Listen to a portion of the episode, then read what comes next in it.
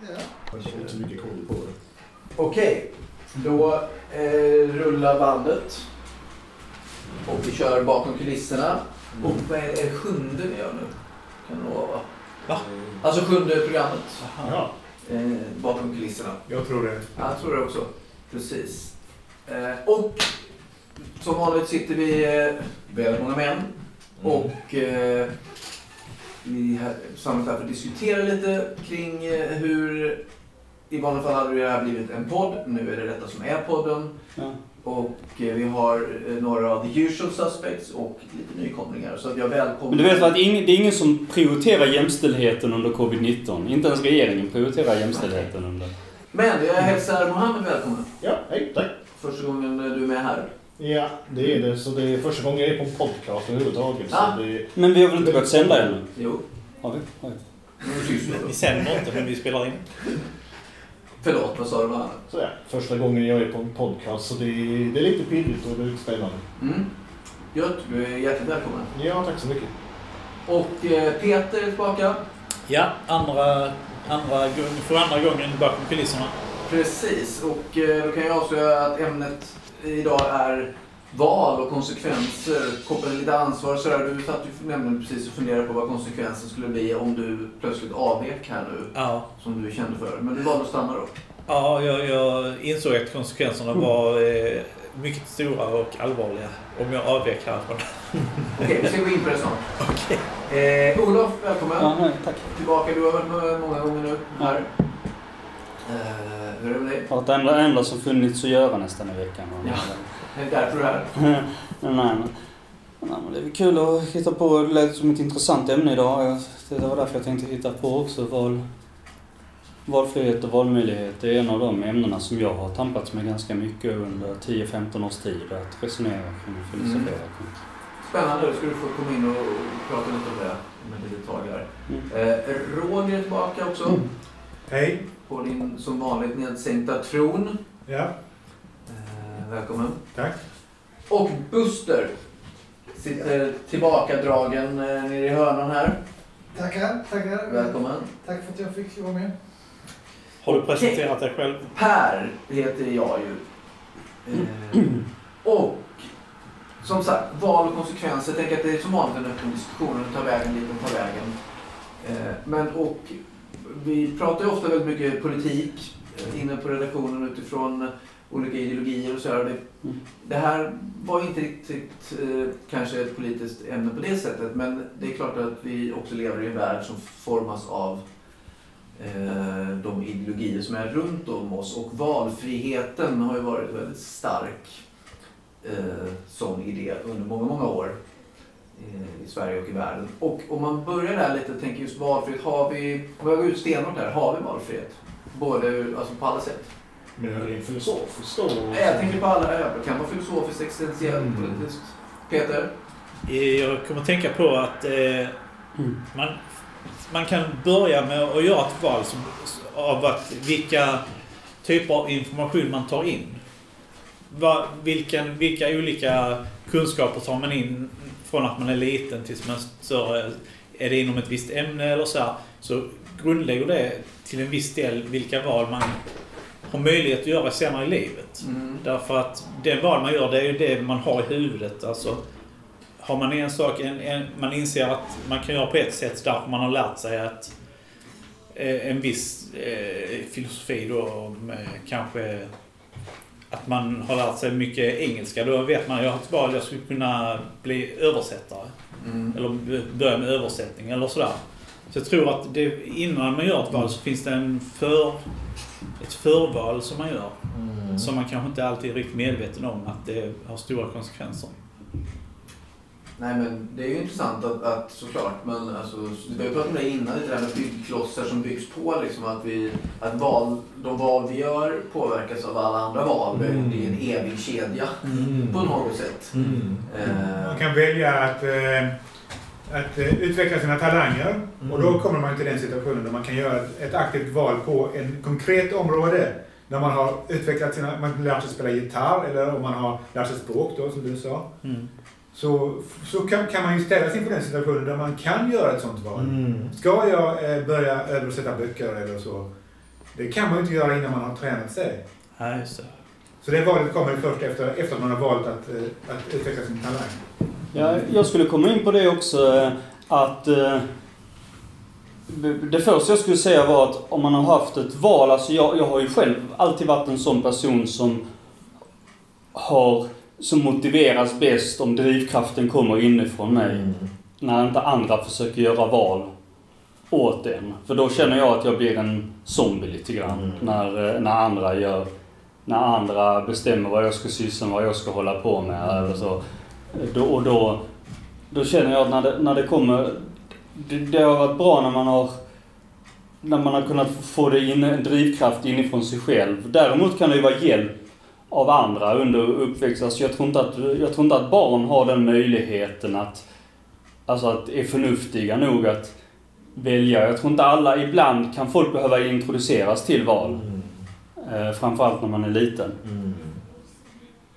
Så, så, att man, så att man till exempel utvecklar att man blir bra på gitarr eller något sånt. Eller på att stå på scen eller på matte eller på vad som helst. Man fokuserar särskilt mycket på det. Mm. Nej, men jag tror att eh, människan har mycket, eller har mycket mindre val än vad man tror att man har. Eh, vi är otroligt manipulativa Mm. i, i grupp. Eh, och, så att eh, det här att vi tror att vi har valmöjligheter, det, är, det är nog mycket mindre, tror jag, än vad man själv upplever att man har. Mm. Mm. Ja, personligen så, så tror jag på konceptet liksom fri vilja och möjlighet att göra val. Mm. Men det är också ett aktivt val som jag gör och tror på det. För jag vet ju också om att, att det finns ju ganska bra argument för att man inte har fri vilja. Liksom att allting som görs, som man gjort innan i livet, liksom bestämmer vad man gör så att det är bara en illusion att man gör ett val för att man hade gjort det valet i vilket fall. Mm. Man tänker man inte hade gjort det. Mm. Um, sen så väljer jag ändå tro på att det, visst, det informerar allting man gör och det påverkar en väldigt mycket. Men när man väl kommer till liksom en situation där man måste ta ett beslut um, så har man ändå någon tillräckligt mycket agens där för att det skulle kunna gå åt vilket håll som helst. Så, och det gör ju, det att jag väljer att tro på det gör ju för liksom mitt eget välmående. För hade jag inte trott på att jag har något eget val i livet, um, eller någon möjlighet att välja, um, vart liksom vad jag ska göra, vart mitt liv ska göra, så hade jag också ganska deprimerad och ja, men, stängt ner precis som du sa. Mm. Mm. Jag vet, det är, av någon anledning kommer jag tänka på Matrix direkt på något Mm. sätt. Det men, eh, men precis. Det är överkurs för min del. Jag klarar knappt av att se det. Det är för mycket överkurs i... Mm. Idén om valet som... Ja, jag vet inte. Mm. eh, ja. Ja, det är intressant. Jag tänker, hade du en replik på det? Ja, ja alltså, alltså, jag tänkte så här.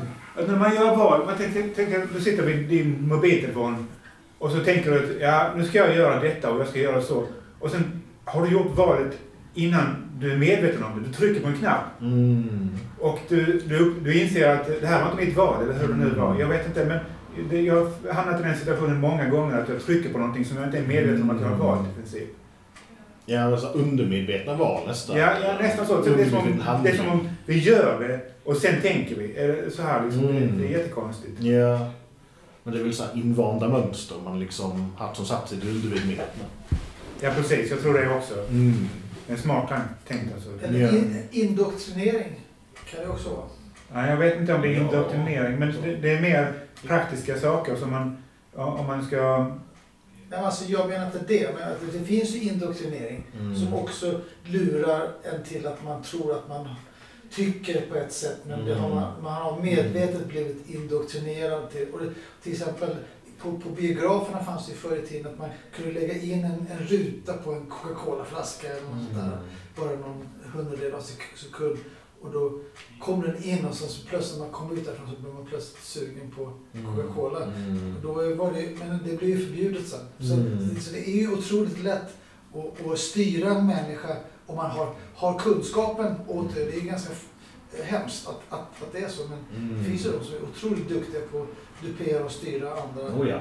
Visst finns det det, men, man, man, man, samtidigt ska man komma ihåg att jag tror att vi har ett fritt val. Jag tror det. Jag vill inte tro någonting annat för jag tror på Gud.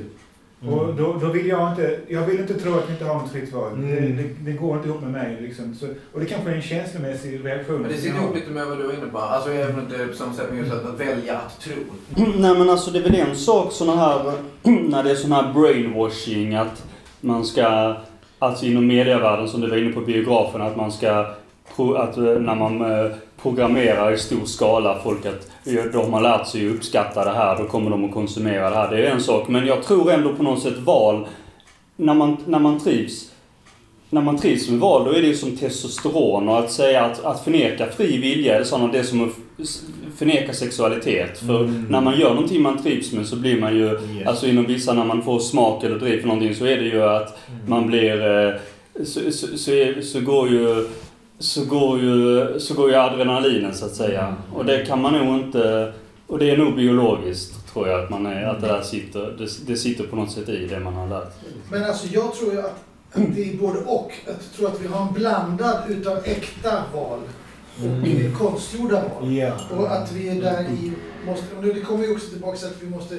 lära våra barn liksom vad, vad är källkritik och eller vad är rätt och vad är fel. Men, eller att man ska, jag ska lära sig tänka själv för att kunna så, sortera Mm. ut sina äkta val Mm. de konst. Ja, då kommer vi in på det här med konsekvenser. Mm. Och val, val och konsekvenser. Det är liksom intressant det här. Om vi nu inte har något val, då, då tycker man att Ja, då har vi ju inga... i- Då är konsekvenserna... Vi är förbestämda till att gå i en viss riktning. Hela mänskligheten Mm. förbestämd till att göra en viss sak och vi hamnar på en viss ruta Mm. som är förbestämd när vi har nått slutet av civilisationen, om man- Mm. man säger så. Vi är predestinerade. Ja, det, det, det, då måste ju vara så, så så Det finns ju absolut eh, filosofier som tror att det är så. Ja, Man- ja precis jag tänkte um, komma in på. Sen när du nämnde liksom att du tror på liksom fri vilja och vill tro på det just för att du, eh, du tror på Gud. Mm. Och det, ehm, är du kristen då på det? Ja, alltså mer kristen än någonting annat. Men jag är inte direkt kristen heller. Jag går inte i kyrkan. Mer så allmänt monoteist kanske eller något sånt? Monoteist, eh, allmänt monoteist. eh, Jag tror på den enda sanna guden. Mm. Som jag ser det. Mm. Och jag tror han är god. Och Mm. eh, han är inte våldsam eller så. här, Mm. ill, illasinnad. Utan Mm. han vill oss alla väl. Mm. Vill att alla ska komma hem till honom. Liksom. Mm, ja. Så det, men det jag tänkte på liksom, angående fri vilja och Gud, så det, det är intressant att se liksom, hur olika trossamfund behandlar det här med fri vilja. För du, du tror ju fri vilja och som liksom, också som en del av, av din religion. Eller, eller, Eh, inte, min, inte min religion, men min, min eh, gudstro. Ja, din gudstro. Men liksom andra liksom samfund som också tror på Gud tror ju raka motsatsen. Att liksom vi är av Gud predestinerade att hamna i himmel eller helvete. Hela, att liksom som presbyterianer i Skottland tror jag att vad heter det, från det att man föds så är själen redan förbestämd att ja, men du kommer till himlen eller du kommer till helvetet.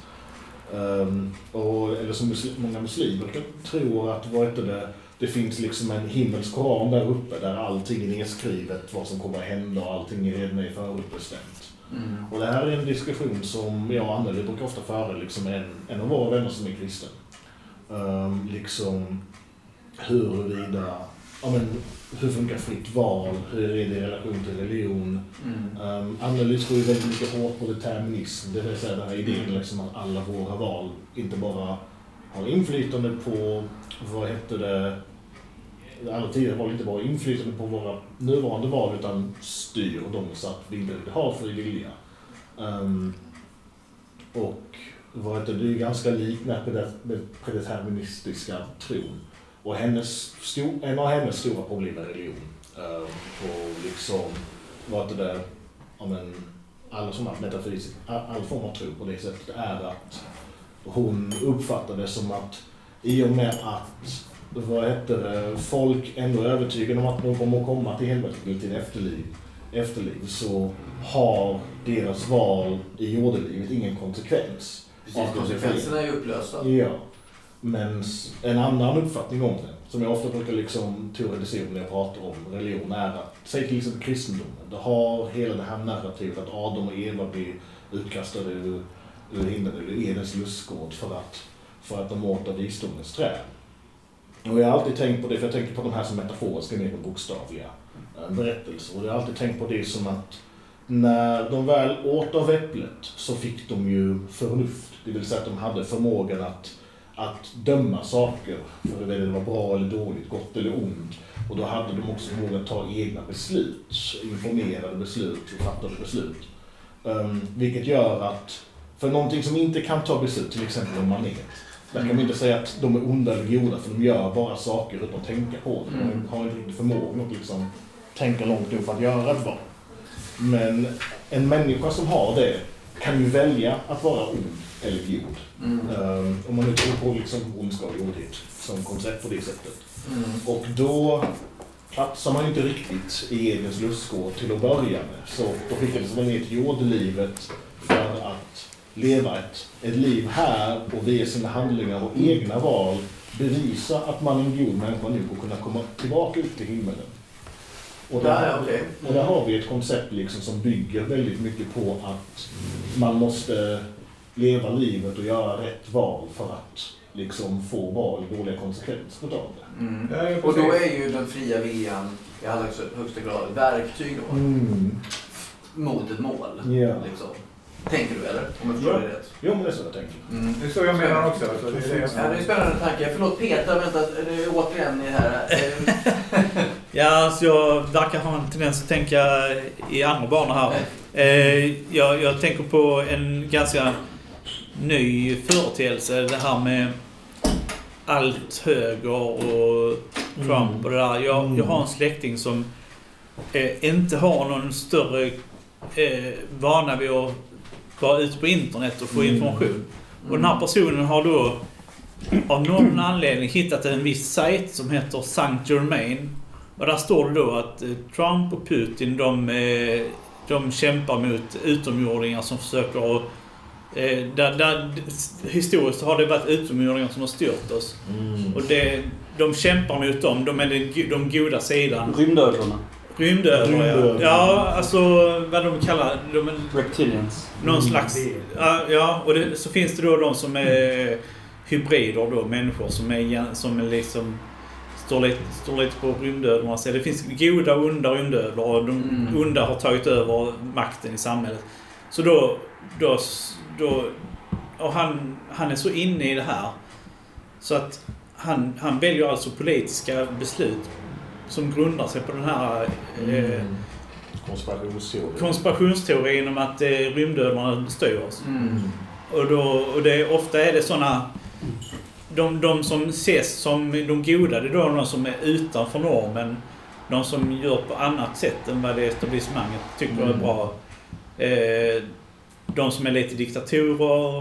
Eh, och, och liksom grundar sina val på, på en sån eh, teori Mm. som jag tycker att jag tycker inte att det stämmer att, Mm. att eh, rymdödlorna de styr oss. Alltså, det tycker inte jag. Mm. Det blir väldigt svårt att diskutera med den typen av, Mm. av eller i min erfarenhet också, eh, med den typen av, av människor som tror på det sättet. Liksom. Och det, Och det- det är ju också det att de här rymdödlorna har sån fruktansvärd teknologi så de Mm. kan ju alltså komma in i våra hjärnor och sådär. Mm. Styra enskilda människor och så vidare. Mm. Eh, Men jag tänker om man drar upp det, att är inte det intressant utifrån ja, men det är just eh, vi lever i en tid där vi säger att genom sociala medier och, och eh, alla kan komma till tals, vi, vi kan yttra oss, vi har yttrandefrihet, det är min rätt att tala. Jag har en, plötsligt en möjlighet att göra min röst hörd och det är min, alltså vad gör det med vår valfrihet, tänker jag? För vi kanske är ännu mer manipulerade än någonsin genom man kan ju genom till exempel, här har vi någon teori då som trycks fram Precis. någonstans och så tror många på det och så blir det helt fastlåst där. Och sen så är det några som tror på det här och lyssnar på detta Mm. och så får man kanalen där så lyssnar man bara på det. Alltså vad händer med vår valfrihet egentligen? Just det. Jag, jag, jag kommer in här. Det, du- det, det du sa Peter. Alltså det här med att han tror på det här med rymdödlor och baserar sina val på det. ja. Det är just det som är grejen. Vi baserar våra val på helt olika premisser. Mm. Och vad blir slutresultatet? Mm. Alltså det finns ju ingen, ingen samman koordination eller någonting. Utan alla baserar sina val utifrån premisser som de tror är riktiga. Mm. Och var slutar det? Nej, nej precis. Var slutar det? Du har dina fakta, jag har mina. Välkommen Mikael förresten. Tack så mycket. Eh, Jag tänkte det här som du nämnde med sociala medier, hur det påverkar oss. Det har ju snackats väldigt mycket om sådana här åsiktskorridorer och ekokammare och liksom hur sociala medier har bidragit till att de här har bildats. Mm. Ja, det finns ju så många människor, det är så lätt att hitta folk som tycker samma sak. Så när det väl kommer till de här politiska diskussionerna så blir det ju väldigt att folk sätter sig i läger. Och även om man blir motbevisad så går man bara till en grupp där alla tycker som en, som en och sen så liksom beklagar man sig och, och liksom smutskastar det här liksom, som eh, man nu tyckte illa om. Och det, det bidrar ju till en polarisering av samhället. Och det, dels kan det ju vara ett medvetet val att ta sig till sådana grupper för att man mår bättre av det. Men sen så är det även de här processerna att man stöter på en människa, man märker att man tycker om dem och sen så liksom, och många gånger så dras man med andra människor utan att riktigt tänka på det för att det, det, um, som det, som sagt, det triggar ju vissa så här positiva Ja. känslor i en. Liksom Nej, men vi är ju inte bara rationella varelser utan vi, är ju känslos- alltså, vi känner ju Ja, saker precis. i, våra möten och vad som händer med oss. Ja, och så bra att man drar sig till, sånt- till, till likasinnade, för det är så här grundläggande liksom, flocktänksmekanism i slutändan. Och det är inte alltid ett medvetet val, men även fast det inte är ett val så får det ju en konsekvens. Mm. Ehm, att man, man gärna sätter sig i ett läger och sen vad heter det, äggar man upp sig varje gång någonting av en annan åsikt dyker upp och så blir man mer konfrontatorisk mot alla som man stämplar i samma grupp, även om man själva inte ser sig som det. Mm. Och det problemet har ju jag använt väldigt mycket, för jag hängde både på Facebook, vi är båda politiskt intresserade. Um, hon ligger väldigt långt ut till vänster, jag ligger mer så här mellanvänster, definierar, definierar mig som Mm. socialliberal. Och vad hette det, i och med att jag i slutändan definierade mig som liberal och hon såg sig mer som socialist, Mm. så blev det att vi satte de här, vi satte de här stämplarna på varandra. Och för oss så betyder de ju helt olika saker, vi tänker på helt olika saker. Och jag tänker på en sak, än vad hon gör när jag gör den, och hon tänker på en helt annan sak. Det låter bekant. Ja men precis. Och då blev det att vi fick väldigt många ganska ja, men meningslösa debatter mellan oss. Mm. Inte för att vi, ehm, vi egentligen det där, hade så många saker som vi liksom inte höll med om. Visst, vi hade sakfrågor. Men de grundläggande, viktiga, moraliska, etiska premisserna hade vi ändå gemensamt. Det som Mm. vi slutade på, det som är viktigt för oss, det tyckte vi ändå lika om. Mm. Men i och med att vi hade de här förutfattade meningarna om de här grupperna som vi som spä- späs på de här Facebook-diskussionerna och, Mm. och ekokamrarna som man hamnar i så blev det ju mycket fler konflikter mellan oss än vad det behövde vara. Mm. Så jag tror, kan det varit, förra sommaren eller två somrar sedan så gjorde vi ett medvetet beslut. Okej, vi lägger av med Facebook. Och efter att vi liksom var och en tog det beslutet att sluta där så märkte vi att vi blev mycket lugnare i allmänhet. Vi hamnade inte i de här väldigt eldare, hetsiga diskussionerna. Vi blev mycket mer chilla när vi väl pratade med varandra så märkte vi att helt plötsligt så började vi faktiskt lyssna på varandra Mm. istället för att bara attackera varandra på utefter våra förutfattade meningar. Så den positiva konsekvensen av att vi valde av att välja bort det Mm. Ehm, och i princip agera mot den, den undermedvetna handlingen för oss dit hade en positiv konsekvens. Och det, är inte, det är inte alltid bara en, ett val av att göra någonting det är också ett val av att välja bort någonting. nej, det tror jag är en jättebit i livet. Att, att vi tror att vi alltid... Jag tänker olika livsvägar vi tar Mm. handlar kanske egentligen mer om att välja bort än att välja till. Mm. Eh, eh, nu, nu, eh, jag tänker att vi går vidare bara här. Mikael, eh, det är så många som pratar jättekul, men Mikael, Olof och sen Eh, du jag, Peter tyvärr. jag, jag, jag, vill, jag vill ju säga så här att det pratas mycket om det här med, med rymdödlor och, och att det finns en, eh, en hemlig konspiration som styr allting. Mm. Eh, jag, jag vet inte riktigt vad, vad egentligen konspirationsteorier är. För en konspiration det är ju det, det är människor som går ihop och eh, gör en komplott. De ska göra något kriminellt tillsammans.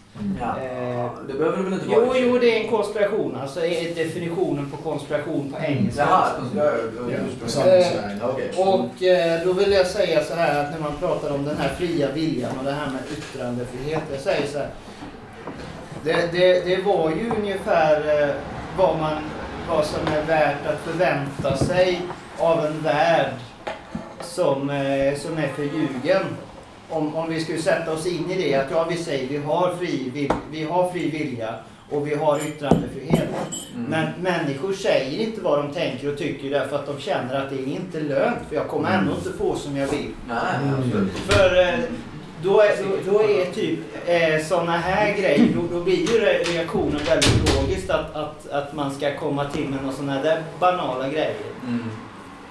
För att det, hela världen är förljugen då liksom. Nej, Mm. men här är sanningen. Har ni något bevis? Ja, det finns mycket bevis som talar för att, för att vi skulle kunna ha sådana här idéer. Men, men det behöver inte vara sant. Men det talas, alltså att det finns, det finns vissa Ja. gemensamma nämnare till varför folk beter sig och tänker så. Absolut. Och jag tänker att det är spännande du är inne på det här någonstans med vad, alltså att eh, man har blivit fostrad till att tro någonting. Eller man har blivit, det är som att man har blivit lovad någonting. Mm. Och sen så uppstår ett glapp när man inser att det inte är så. Mm. Men, och då blir det ju intressant. Vem och var och hur? Jo, jag, Var började den här, det här äh, löftet? Var började Jo, jo. lögnen? Jo. Vem är det? Är det vi själva? Alltså vad är, är, är valfri, valet att vi själva väljer att se det vi vill se? Jultomten. Jultomten. Nej men jag tycker det är en spännande tanke du är inne på Mikael, för klart att det är så. Men vi måste bara gå vidare så alla får komma och ta sig. Olof. Ja, nu, ska jag, nu har jag förtjänat en lång replik. Jag vet inte, inte, inte, om jag, inte, om jag, inte om jag, jag vet inte om jag kommer ta den, men jag tänkte då passa på att blanda i olika ämnen i ett. Eh, alltså när det gäller den här frågan, inledningsvis tänkte jag fråga när det gäller frågan om rymdödlor och så, så är en av de mest kända teoretikerna, det är han David Icke. Eh, som är brittisk så här. Han var aktiv i Miljöpartiet, eller de gröna i Storbritannien. Jag skulle, det skulle förvåna mig om de vill förknippas med honom idag. Mm. Eh, och det har också skett en diskussion om huruvida han verkligen tror på det själv eller om han är så galen. Och många lutar på att han verkligen är så galen som han utger sig för att vara. Så det handlar inte om bara om business för honom utan han tror det på riktigt. Men en sak som är intressant är att många det finns ju en del, ibland har det dykt upp att folk har lyssnat på honom, han har uttalat sig i andra frågor och då har folk eh, på internet, på Flashback eller Facebook liksom så här delat att Åh, ja men det, det här tycker jag, det här tycker jag, det här är väl vettigt. Läs här vad David, David Icke skriver här eh, i det här och det här. Men jag menar alltså, ska man, då är frågan, ska man lyssna på en man överhuvudtaget som, som överhuvudtaget har det som premiss att det är rymdödlor som ligger bakom att eh, Obama är två och en halv meter ödla? Kan man, är inte det nog för att diskvalificera allting han säger om det inte är strikt fakta som alla är? Och, Men fakta alla är. upplöst? Fakta finns ju inte i dagens... Ja, nej. Om du hårdrar det. Du har ju du har ju din fakta. Ja, jo. Jag har ju min fakta. Och det var det jag skulle, och det var det jag skulle gå vidare på här. Förlåt. Att eh, ett problem är när man inom, inom skolan och sånt där, när man lär det, när man lär barn i skolan idag att eh, källkritik eller så, eller fritt tänkande. Det, det ehm, vad jag har förstått och vad jag, så är det, så är det, så är det ganska ordentligt problematiskt att ha, att ha det som utgångspunkt innan man lärt sig Innan, man- innan man lärt sig faktakunskaper på området och redan börja med kritiskt tänkande. För det är det de har i USA, att de lär sig att argumentera i skolschemat. Och, att, eh, och, och, och då är det ju att och då, blir det, då legitimerar man ju alla har varsin sanning. Jaha, du menar att Hitler inte har gossat ihjäl sex miljoner judar? Ja, det är din åsikt. Jag har min liksom. Det, Eh, Och, då, och, då, och det är därför jag menar att man måste ha kunskap eh, först. Och det är det jag menar blir, blir eh, problemet om man har eh, om man har eh, de idéer i skolan att, eh, att man inte främst fokuserar på eh, kunskap från början. Så kritiskt tänkande är viktigt men man måste ha grundläggande kunskap först. Det är som en snedvridning av vår uppfattning av vad valfrihet är. Ja, jo, det blir lätt det. För att kunna verkligen ha ett fritt val så Ja. behöver vi vara begränsade i vår syn på pusselbitarna. Ja. Mm. Behöver i alla fall begränsa i att det faktiskt finns saker som är sanna. Och sen så är det ju också, men det kan ju också vara att i vår tid har vi också lärt, fått, blivit tvungna att lära om så mycket. Alltså, man har fostrats till att tro att jag växte upp i att USA, USA var den goda makten. Ja. Och, och sen så lärde man sig men det var det ju inte alls. Mm. Alltså så här, allting är ju också uppluckrat av godo Mm. nu för tiden. Men det kanske också ger en effekt av att plötsligt finns det ju ingen, inga bestående värden. Därför, så här, och då, då upphör också idén om faktan. Jag vet inte, jag bara tänker på det du säger att, att Mm. för att verkligen kunna utöva fria val behöver man ju också först begränsa sina Ja. fria val. Peter, Ja, Eh, när du pratade om sociala medier och Mm. valt bort det så kom jag att tänka på en annan sak. Som är också handlar om internet som jag valde bort när jag var i tonåren. Och det var att det, det fanns en tendens i vissa av mina umgängeskretsar att skicka obehagliga videos Mm. till varandra. Eh, det kunde vara någon som blev överkörd av en lastbil så det sprutade. Och, eh, Nej. Happy Friends. Även, eh, även vissa sexuella grejer som var väldigt obehagliga. Och Mm. jag, jag tänkte då att nej, alltså jag vill bort det här. Är det någon som börjar skicka sånt till mig så ska jag säga till den att du slutar skicka eller så säger jag upp kontakten. Mm. Och det är nu, råkar ut nu, nu en, en som jobbar på macken där som jag... Där macken där jag brukar sitta i Södra Lund. Där var en jag blev, fick kontakt med på Facebook där, en som jobbar där. Han började skicka sådana obehagliga. Så jag sa det till honom också att du slutar eller så blockar jag dig helt enkelt. Mm. Och jag har, känner att jag, jag mår mycket bättre Ja. om jag slipper att- att se de här obehagliga videorna. Mm. Och det, alltså det... Okej, då, vad- då kan man fråga sig vad får det för konsekvenser? Ja, jag kanske inte lär mig hur otäckt livet kan vara. Mm. Men eh, då är frågan om, om jag ändå mår bättre av det, då kanske jag känner att det är värt det. Mm. Därför, Nu är det här ju väldigt specifikt, absolut. Så här, för någonstans, men det tänker jag att, att, att, eh, att för att, om vi pratar valfrihet, att kunna vara i vårt liv. Nu gör ju du ett val att välja bort det, men jag tänker nog måste vi väl välja, inte just det då, för att vara tydligare, men att, att man kan ju inte välja bort allt smärtsamt och otäckt och jobbigt i livet. Vem blir vi då? Mm. ja.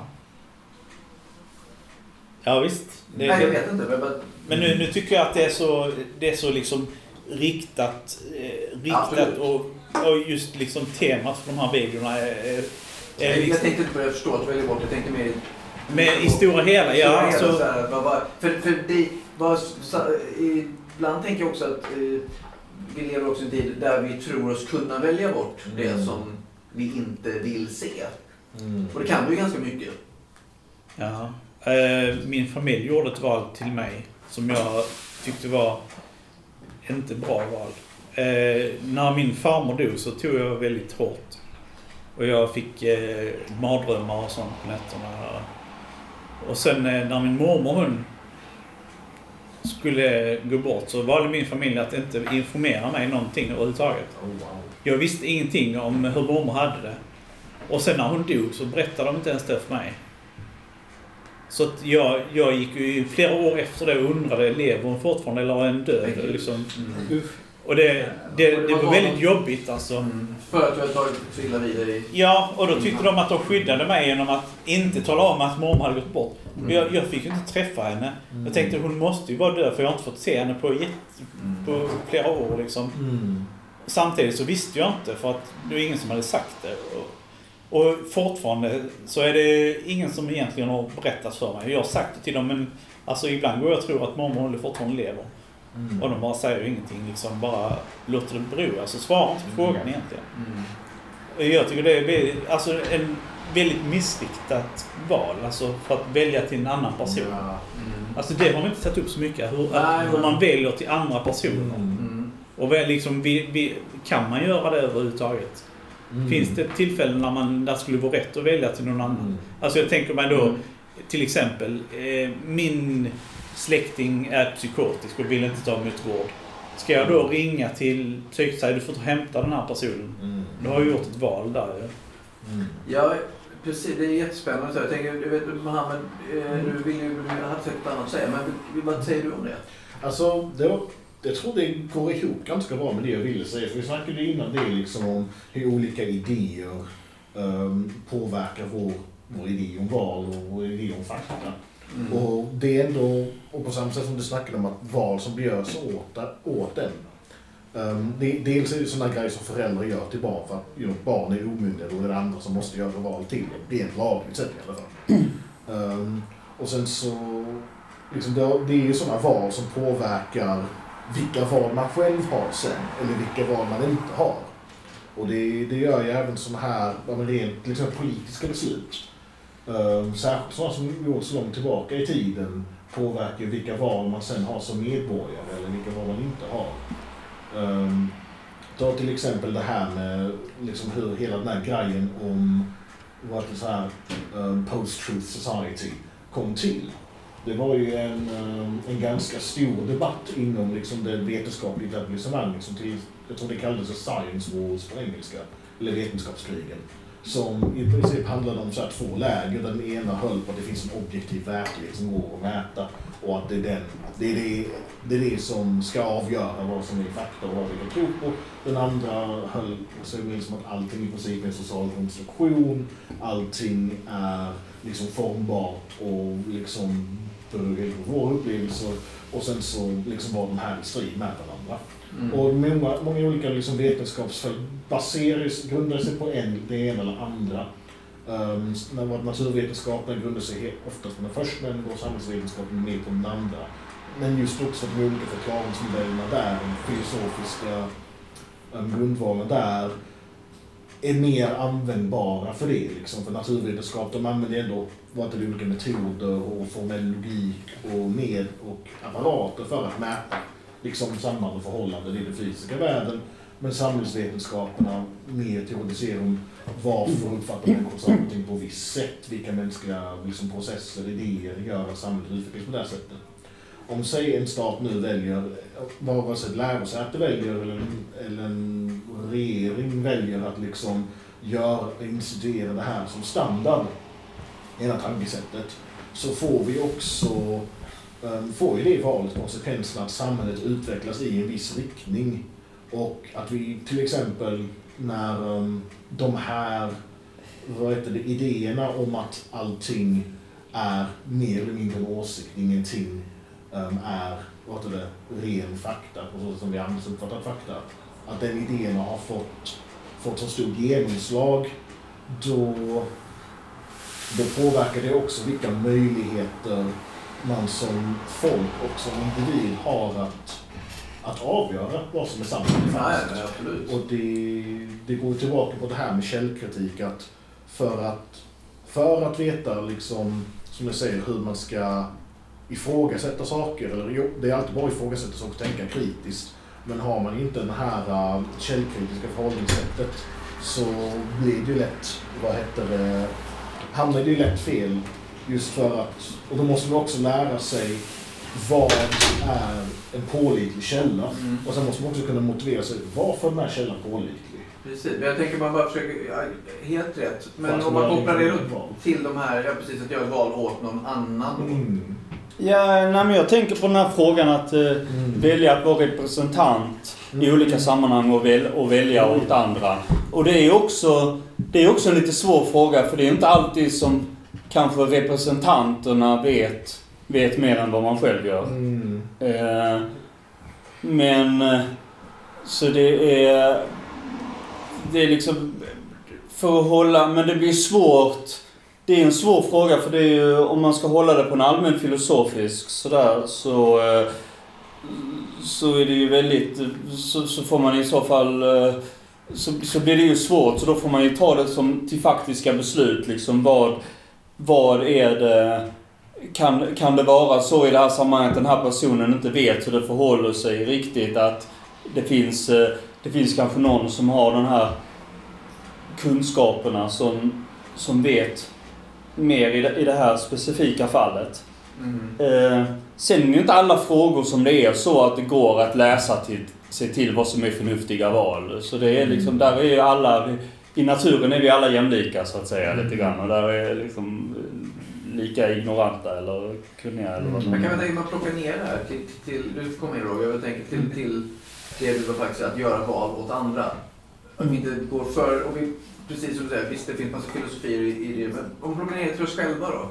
Alltså, hur ser ni på det? Göra val åt andra, hur känns det? Vad innebär det? Roger, du skulle säga någonting innan. Ja, så val åt andra.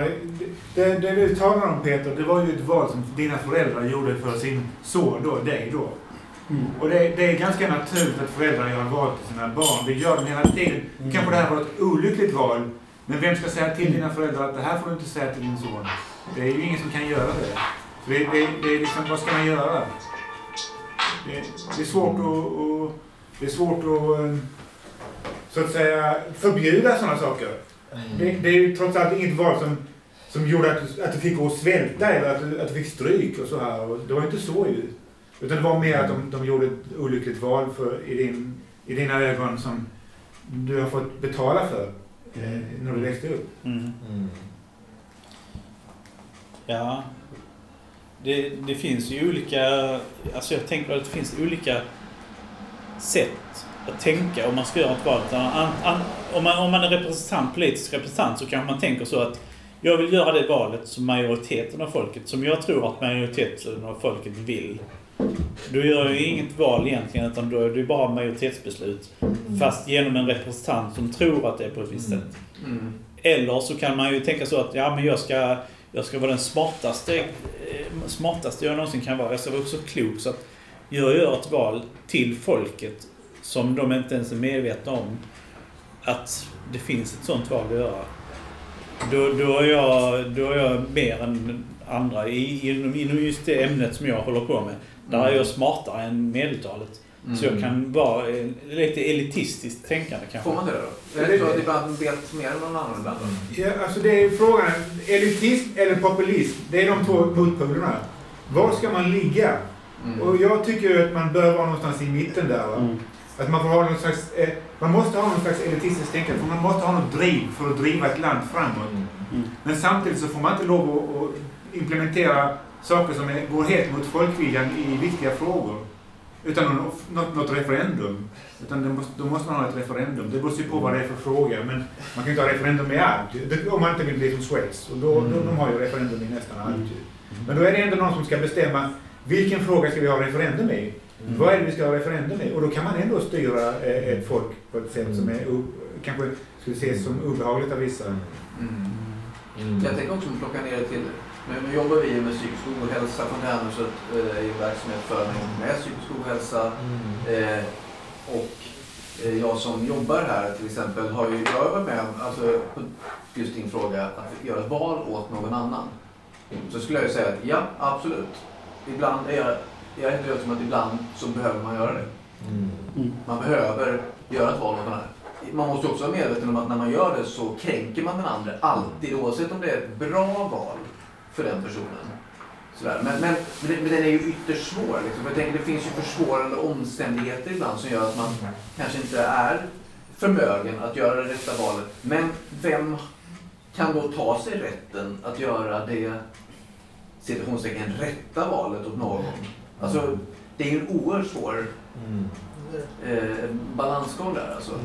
Och med det så då kommer vi också in på frågan om vem är det som ska ha rätten att göra för Nej, precis. precis. Mm. Och det är, föräldrar har ju ofta den rätten just Mm. för att barn um, är dels, de är inte myndiga.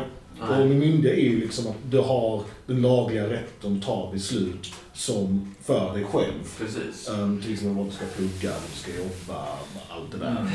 Mm. Um, sen så har vi även det här att barn till en viss ålder, fram till en viss ålder, inte har kapaciteten att faktiskt fatta beslut. Mm. Som hjärnan inte är utvecklad nog för att Nej, kunna det, välja mellan konsekvenser. Konsekvenstänket. Ja, precis. tonåring så är inte hjärnan rent Mm. neurologiskt Mm. utvecklad på det sättet. Ja. Konsekvenser ser olika ut för såklart. Ja. Men, Ja, mamma hade så här bra anekdot, det var så här tre, fyra år, vi var på ICA. Och sen så stod vi framför så här glassdisken och mamma sa, ja men Wille, vad vill du ha för glass? Och jag bara stod och bara... så såklart kunde inte jag göra val för... Jag menar, jag vill ju ha den där, men jag vill också ha den där. nej, nej, och gud, Och jag hade ju inte tidsperspektiv. Det lever kvar eller alla Mm. kanske. Så jag hade inte tidsperspektivet att se liksom, Mm. vad hette det, att jag kunde få den andra nästa gång. Mm. Så, men, eller avvägningskapaciteten. Alltså, rent politiskt är det vi snackar om liksom representativ demokrati och sådana saker. Att den, den uppkommer just för att man skulle ge folk mer val, mer att säga till Mm, om visst. hur landet ska styras. Um, istället för att ha till exempel en konung som fick, som fick ärva rätten att välja åt andra. En diktator som tog rätten för sig genom att erövra det. Eller även liksom en, det är ju, om man är en upplyst despot som är liksom bildad och så, som ser sig liksom vara klokare och smartare än alla andra, så även smarta människor kan fatta dåliga beslut. Varför ska just sån här vara? Ja, såklart. Det var en vanlig, i, i liberalismens barndom var det en vanlig tanke där med den upplysta despoten. Ja. Visste som var mer Och sen så har vi Ja, det, det, Eh, Jag tänkte på en, en annan... En, någon, polisen gör ju också vissa val till folk. mm. Och jag, jag vet, det finns ju en del människor som, som hatar poliser. Kanske just av den anledningen att de är ut, speciellt ut, eh, utvalda för att göra val åt folk. Så, Mm. men bara i vissa situationer. Men det räcker kanske för att en person som vill syssla med droger, de känner kanske att det valet som de har gjort, det får inte lov att finnas. Därför att det är förbjudet i samhället och då kommer polisen in där och då blir poliserna hatade. Mm. Och så blir det såna här eh, attacker mot blå, blåljuspersonal och så det är... Eh, ja, jag vet inte. Men det är väl en, alltså jag tänker oavsett, men pratar just om polisen är ju en auktoritet, ett auktoritets... Det är ju att någon kanske fattar val, föräldrar fattar beslut och gör val åt dig. Eh, kungen gör kanske inte det i Sverige, men ni förstår vad jag menar. Vilken alltså, ja. men jag tänker så här att, att man har eh, en chef, sådär. Men och, och då bygger det ju på att man har ingått något slags förbund. Till exempel, där får du ju lön för att utföra något, men det får man inte som barn. Och du får det inte som mot polis, du får det inte mot sådär. Ja, så att, absolut, det finns ju en, en problematik där vi bär barnet med oss, tänker jag. Mm. Alla lägen här. Om jag skulle bli psykotisk till exempel. Eh, säg att jag blir psykotisk nästa vecka. Och jag går här på fontänhuset och börjar spotta i papperskorgarna och, och säga konstiga saker. Då skulle du antagligen Per säga att du Roger, eh, ska vi inte ta och prata med doktorn? Mm. Sånt, va? Ja men det, det är ju så. Det, det är så det går till antagligen. Jag vet inte. Mm. Du tar in mig i ett I rum. bästa fall. Ja, I bästa fall skulle du ta in mig i ett rum och så skulle vi prata om det då. Och då skulle jag säga nej, jag vill inte det. Jag, för jag har ingen sjukdomsinsikt när jag är sjuk. Eh, Det har ingen så, som har Mm. psykotiska besvär. Så, om de har det. Och då skulle jag antagligen säga nej, jag vill inte bli inlagd. Eller så. Och då skulle du ringa till, till Baravägen och så skulle jag bli inlagd. Och jag skulle förbanna dig som bara fan. Alltså, vad fan? Det, per! Alltså, det, det, det här är inte acceptabelt. Men efter en vecka eller så, och jag har fått en extra dos medicinering eller så, Mm. så att jag blir eh, fri från den här psykosen så skulle jag tänka, kanske tänka att eh, det, var ju, det var ändå rätt så bra att jag blev inlagd. Så, eh, ve- vem ska du ta hänsyn till? Ska du ta hänsyn till den som jag, som jag är när jag är psykotisk eller ska du ta hänsyn till den person som jag är efter att jag har fått medicinering? Nej, det, precis. Du och jag var ju till exempel och pratade med en psykiatriker i Just Malmö det, just det. om- just psy- psykoser och vad händer med oss och sådär. Och då- Det är ju intressant, precis den frågan. Ja. Eh, nej, och jag menar, kanske är val också ofta en chansning. Tänker jag, utifrån vad jag tror är bäst. Det kan inte bli någonting annat. Nej, utan det, det kan kanske inte bli någonting annat än det. Kan Eh, jag svara på, på, på, på den eh, och emellan där bara, Mm. kort. Eh, Det är ganska intressant, för det som du säger där, för det, det, egentligen går det inte till så därför att om du i det läget hade sagt så här, nej men jag vill inte bli inlagd, så finns det ingen som hade kunnat tvinga in dig, vilket man hade kunnat gjort innan. Eh, eh, så att i det läget som det blir då, det blir faktiskt att det, att det, det finns många som hamnar mellan stolarna som, som blir dåliga, som inte har en sjukdomsinsikt eh, och som inte vill bli inlagda fast de hade behövt bli inlagda. Eh, eh, eh, och där kan ju va- vara ett problem. Eh, ehm, Men det finns ju möjlighet till bussar. Man, det är klart, jo. nej, inte... Eh, Jo, du kan ju du- fortfarande LVU eller, eller göra alla de här LPT. Men är det inte så, jag menar, du, du, du måste vara ett hot mot dig själv eller ett hot mot andra. Absolut, men det är, ju, det är ju någon som fattar beslutet om du är det. Precis. Men jag, men jag Så om jag springer bara vägen... att det inte har gått till på det Nej, det är sättet. jättesvårt såklart. Men det är också så att det bygger på förtroende. Till exempel om du då i det här fallet nu blir det en bit, men du har en relation med folk bara vägen vet vem du är. Jag ringer upp till dem eh, och säger, då, då visst kan de Ja, men då är det inget problem. För, för, för då finns det ändå en, en viss, att du vill på, på Ja, men du kan ju du kan Nej, lägga nej, till nej. det att jag slänger in gatsten genom rutan. Ja. Då, då blir det ju så att då kan han ju få mig in och då blir det antagligen så. Ja, precis. Och då kan jag säga, Mm. jag har blivit LPT sju gånger. Mm. Jag har aldrig gjort något våldsamt. Mm. Jag har aldrig gjort något med att skada mig själv eller skada andra. Mm. Ändå har det räckt att en medlem i församlingen där jag gick pratade med prästen och de ringde till barvägen som sen Mm. resulterade i att att de skickade handräckning till polisen. Mm. Och jag blev hämtad av polis med tvång. ja. Det kan absolut vara så. Och det bygger jättemycket på de relationer man har. Sju, sju gånger. Sju gånger. Ja. Jo, nej, men jag, jag, jag, jag kan säga att jag har motsatt, alltså eh, med en nära anhörig till mig som var precis tvärtom. Vi har gjort allt för att få in henne. Eh, men, och hon har, har verkligen behövt vård. Mm. Eh, men eh, eh, liksom systemet har, har gjort så att hon eh, hamnat mellan stolarna igen. Mm. Så kan det också bli. Ja, jag har haft exakt samma upplevelse med, med min första flickvän var det att hon var ju oerhört suicidal. Um, hon fick psykoser, PTSD allt vad det hette. Um, och liksom hon hamnade ju på psyket ett antal gånger. Um, men då var det ju fortfarande så här öppenvård, så hon Mm. komma och gå lite som hon ville. Mm. Jag menar som, jag tror hennes sist, som hennes kusin beskrev det, så liksom att det är ju helt, var inte det befängt för att när hon, hon själv låg inlärd så sa hon liksom att "Ah, ja men jag hade bara kunnat gå ut och slänga mig framför ett tåg, liksom, vad är det för, liksom, där. Ja. Så det, det kändes som att det enda sättet att liksom tvångsvårda någon, för liksom vi, det, var att det, det kändes som att det inte ens gick att få till att hon blev tvångsvård när hon annars, jag tror egentligen det var hon hade behövt. Hon var så oerhört självdestruktiv. Så att det enda sättet att kunna få igenom det är liksom via domslut. Ja. Ehm, För det verkar ju vara rent rättsmedicinskt möjligt att tvångsvårda dessa. Men det är ju lite positivt, det, det är det som du säger och det som, att du säger också att, att kanske psykiatrin håller på att utvecklas, att det fanns någon, någon gråzon. Att man, Jag tänker att det är så olika från fall till fall. Det är det som är grejen någonstans. Och det, och det bör ju vara svårt, tänker jag. Det bör ju vara Ja, svårt, därför man upphäver ju också en valfrihet och en individens rätt. Om det skulle vara lätt. ja. Om det räcker med lite samtal med någon jag inte känner som Ja, söker, då, då bara hamnar vi då. Så att det där är ju så svåra, det handlar ju alltid, tänker jag, om Ja. mötet med människor. Hur mycket ansvar en människa vill ta liksom, utifrån det här. Är det svar på det då? Sen måste ni... Ja, jag är svar på det. Ja, alltså... Vänta, Roger. Ja, men Nej, vänta. Säg vad du tycker då. Ja, men det är så här att eh, jag var i den situationen när jag på 90-talet. Va? Jag var på, bodde på härbärget och jag var väldigt sjuk och, och, och så. Jag var ingen fara för, ansåg inte vara en fara för mig själv eller andra. Mm. Tills en dag då, efter två år eller sånt där. Jag slängde in en gatsten genom rutan. Mm. Då kom polisen och då blev jag inlagd. Mm. Och då var det redan, för, det var inte för sent, det var ingen som blev skadad. Men eh, det var nästan. Mm. Så eh, Men det hade kanske inte behövt bli så heller. Ja, de hade kunnat lägga in mig, alltså, som jag ser i efterhand.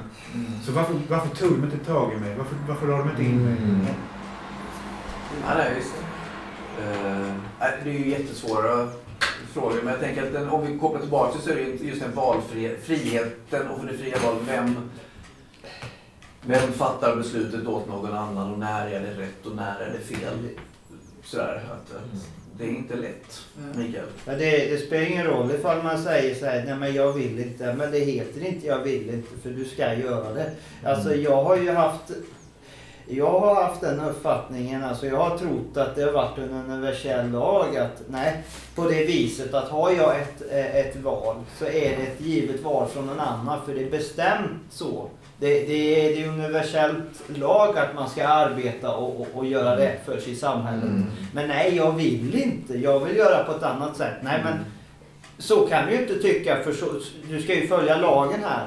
Mm. Eh, alltså vi har inte tagit ett beslut till dig utan det ska du själv göra. För att eh, ditt ansvar eh, går före eh, din vilja för då, då vill du helt fel. För det är helt inkonsekvent alltså. Eh, och det är kanske därför man säger att straff, eh, straff eh, man straffar kriminella med, med, med konsekvenser, att det är negativa konsekvenser. Det är inte konsekvent. Det är väl, det är väl meningen att det ska vara inkonsekvent för, för den som inte tar sitt an- samhälls... Fast det, vi har pratat om det här massa gånger Mikael, det är ju konsekvens. Det är ju inte så att du säger det för konsekvenser är ju så du, du har ju rätten att välja. Alltså Nej, ja, men nej, det har du inte. Alltså universell lag så är det helt knasigt. Du Ja, kan ja, inte ja, påstå att folk är fria i det här jävla samhället. Men- Vi har men- lagar och ordningar. det, fan vad menar man Mikael. med frihet? Mikael, Ska jag ta, alltså, Mikael, man är ju ett barn. Det, det är en förälder som bestämmer. Ja, men och då säger man till det där jävla barnet att du, nu tar du ansvar och gör din läxa. Men Ja. jag har gjort min läxa. Nej, det är lärarnas fel. Mm. Ja, förr Men var det barnets fel för de ville inte ta något ansvar. Idag så säger man ja men nu tror vi att barnen tar sitt ansvar för de är fria. Mm. Nej fan, du har inget ansvar under frihet. Nej men en, en speciell fråga som, eh, som är val i andra men det är en väldigt kontroversiell politisk fråga. Det är det här med dö, eh, dödshjälp. Mm. Det är så att säga aktiv dödshjälp, eutanasi. Nu har det, nu har det begreppet förvrängts lite på senare tid i och med att det har varit den här inom äldrevården och sånt där att man menar att eh, ja, de har till, tillämpat aktiv dödshjälp och bla bla bla i, i olika jag vet ju inte riktigt hur det, hur det... Alltså rent definitionsmässigt så är det ju inte sant eftersom aktiv dödshjälp betyder ju, betyder ju att det är, de, det är deras egna önskemål, de som lever i smärta. Och det, dessutom så är det ju... Samtidigt så har man ju insett då inom den vård, alltså... Eh, nu vill jag ju inte frånta någon region eller politiker eller någonting ansvaret. Men, eh, men det är ju samtidigt, man måste samtidigt komma ihåg att det är rätt så inhumant att upprätta någons liv till varje pris i vissa sammanhang. Mm. Alltså eh, när, när folk, folk kanske egentligen skulle må bättre av att dö i det läget. Så att det, det är inte nödvändigtvis ett självändamål att rädda precis alla liv, tänker jag. Men jag tycker det är liksom, jag skulle säga... Slutande planet får man, får man vara väldigt försiktig med. Alltså, Det kan Mm. bli slut, slutande planet. Ja. Hur då menar du? Ja, alltså man börjar med att ha sådana här ståtliga principer om att om man inte kan leva, om man har sådana smärtor att man inte vill leva, ja då ska man inte behöva leva, då ska man få aktiv dödshjälp. Men så, sen så leder det, titta på Holland, eller Nederländerna. Mm. Där är det mycket diskussion om att då ska läkarna eller, eller de anhöriga bestämma när de ska dö och så nu efter att de, har- de har ju aktiv dödshjälp i Holland. Mm. Och nu vill de att läkarna och, eller de anhöriga ska få avgöra vem som ska dö. Alltså de ska inte ha någon talan själv. Mm. Det är ju helt fel ju. Och det, det, det är det som är slutande planet. Det kan bli på det sättet efter ett tag. Man har haft en som eh, aktiv dödshjälp och Mm. så, så blir det bara värre och värre och värre och värre tills man hamnar i rena Nazityskland. Ja, och det blir ju just den här val, om man då tänker val utifrån, som vi pratade om förut där Roger, att det, det kan vara chansning i ett läge när någon är psykotisk i det fallet. Ah, men jag chansar på att ö, gå förbi dig i din vilja, för jag gör bedömningen att i det här läget så är, är min, mitt val bättre för dig. Mm. Den chansningen är ju rätt körd när det gäller dödshjälp. Mm. Alltså, den kan du aldrig ta tillbaka. Nej. Mm. Liksom. Så, det, så det är slutande plan, det får man ju nog säga det. Tar vi inte bort faktum att det kanske är så att det är bättre att dö ibland. Absolut. Jag vill, kom, jag vill komma in på det här lite, lite respons som Mikael sa, att det var ganska intressant ändå det här med liksom var går gränsen mellan vår rätt att göra ett val och vår Mm. ansvar till någon annan. Vare sig det är samhället i helhet eller det är din familj eller någon du bor med eller ens ditt husdjur. Mm. Um, Ett intressant exempel var att någon jag kände som bestämde sig för att skaffa katt en gång. Och då, därmed går ju det ansvaret. Du måste ju ta hand om de här djuren för de här beror ju fullkomligt på att de behöver matas, alltså de behöver klipp, få klippa och gå till veterinären och så måste bajset ta väg någonstans.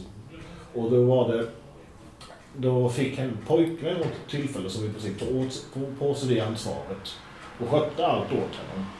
Um, och senare när, um, jag bodde tillsammans med den här människan senare, vi bodde lite kollektiv. Och då kom ju det här upp att, vad heter det, hen hade två katter. Men hen var all, nästan aldrig den som matade dem eller Mm. det, tömde kattlådan eller gjorde. Det var alltid, eller gick till veterinären. Det var alltid någon annan som gjorde det. Mm. Även när jag lagt upp det i schema. Då tog vi upp det här att okej, det är egentligen två av oss som inte äger katter gör heter det, två tredjedelar av det här jobbet men du vill inte göra någonting. Du behöver inte göra någonting för det är ditt ansvar som du tar på.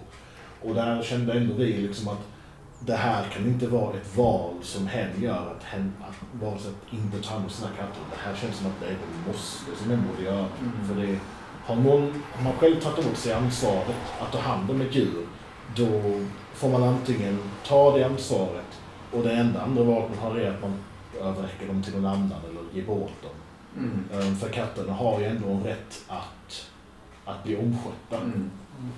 Um, och det känns också fel att liksom tvinga över det ansvaret på någon annan. Mm. Så när vi först tog upp det här och försökte Henry fortfarande bara skjuta över det på sin pojkvän istället. Mm. Uh, Nej men det är väl bra, jag tänker att det där, så ser det ju såklart olika ut i olika sammanhang. Mm. mm.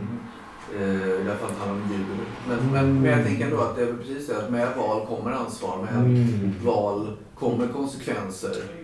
Mm. Alltså, sen, sen får man ju diskutera, ja, okej men det här förbundet vill jag inte vara med i. Eller Mm. så kanske man kan förändra det på något sätt. Mm.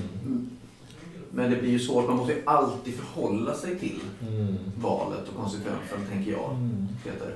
Om man, gör, om man gör ett val till någon annan, då tycker jag det, då är det ofta så att då får man inte själv konsekvensen av det. Mm. Nej. Det är lite orättvist tycker jag. Ja. Mm. Alltså, om man säger de, de som, om man går tillbaka där, de som fick in mig på psyket. Mm. De går ju hemma och har det skönt och, och, Mm. och gött liksom. Medan jag får eh, stå ut med tvångsmedicinering och, Mm. och inlåst och, Mm. och sådana här grejer. Mm. Alltså var, varför, varför de som gör det valet till mig, var får de sin lärdom någonstans Mm. av konsekvensen? Nej, lärdomen skulle komma från dig då. Ja, då får jag, då får jag ta, upp, ta upp det och börja skrika på dem och då tycker de kanske att jag är sjuk igen. Mm. Jo, nej, nej, absolut. Det är ju superproblematiskt. Eller i det bästa världen att eh, du kommer ur din psykos och förstår deras val. Ja, Mm. Kan, det ja också, kan det också vara. visst. Mm. Så det behöver inte bara vara negativt heller. Ja. Det är, nej, sant, det är sant. världen Det är så, sant. så lär man inser man att ja, de gjorde rätt. Fast det, det var ändå fel. Mm. Ja, lite så känner jag. Mm. Det var rätt men ändå fel på fel Mm. sätt. Mm. Rätt. Och då tänker jag Rätt, men på fel sätt. att det enda sättet där, det är ju att man på något sätt efterhand kan möta varandra och prata om det. Och att den som har tagit valet åt dig, Ja. beslutet åt dig, kan också förstå aspekten av att ha kört över dig. Mm. På något sätt, då finns det kanske en möjlighet. Men, men, och Men det- där menar jag ligger chansningen i valet hos den som fattar valet. Att det är en chansning. För du kan också förlora den personen. Även om den personen mår bra sen så, är, så gör du ju ditt eget val. Att ja, Roger kanske hatar mig efter att förlora valet. Ja. Men jag, då får jag stå där. Mm. Det är mitt val och min konsekvens och jag bryr mig om den personen. Mm. Så, det, tänker jag. Ja, det, det har du rätt i. Eh, Det var ju så att när eh, prästen och en församlingsmedlem fick in mig på psykakuten så efter det så kunde jag inte förmå mig att gå till kyrkan. Nej. Mm. Så jag abrupt slutade gå till den kyrkan. Mm. Efter, från att ha varit där varje söndag Mm. till att helt sluta. Mm. Så att har de märkt det så kanske de har... Precis, Mm. hoppas man ju. Ja. Ja. Hörni, klockan är, jag vet att du hade med Buster, men klockan är fem över redan här. Vi har eh, pratat på. Eh, Det är ett val du gör Per. Det är ett val jag gör just nu eh, åt er att avsluta det här. Ja. Sen konsekvensen. Jag Ja, vet inte det, jag kanske har sagt världens fantastiska sak. Precis. Som du aldrig får uppleva nu. Nej. Det vårt val. Men jag tänker att det är, den, jag är villig att... Eh, Chansen är liten. Hörni, tack så hemskt mycket Tack. för att ni var med Ja, och så pratade. Vad Tack. kul. Vi eh, återkommer. Ja. Tack för idag. Tack. Tack. Tack.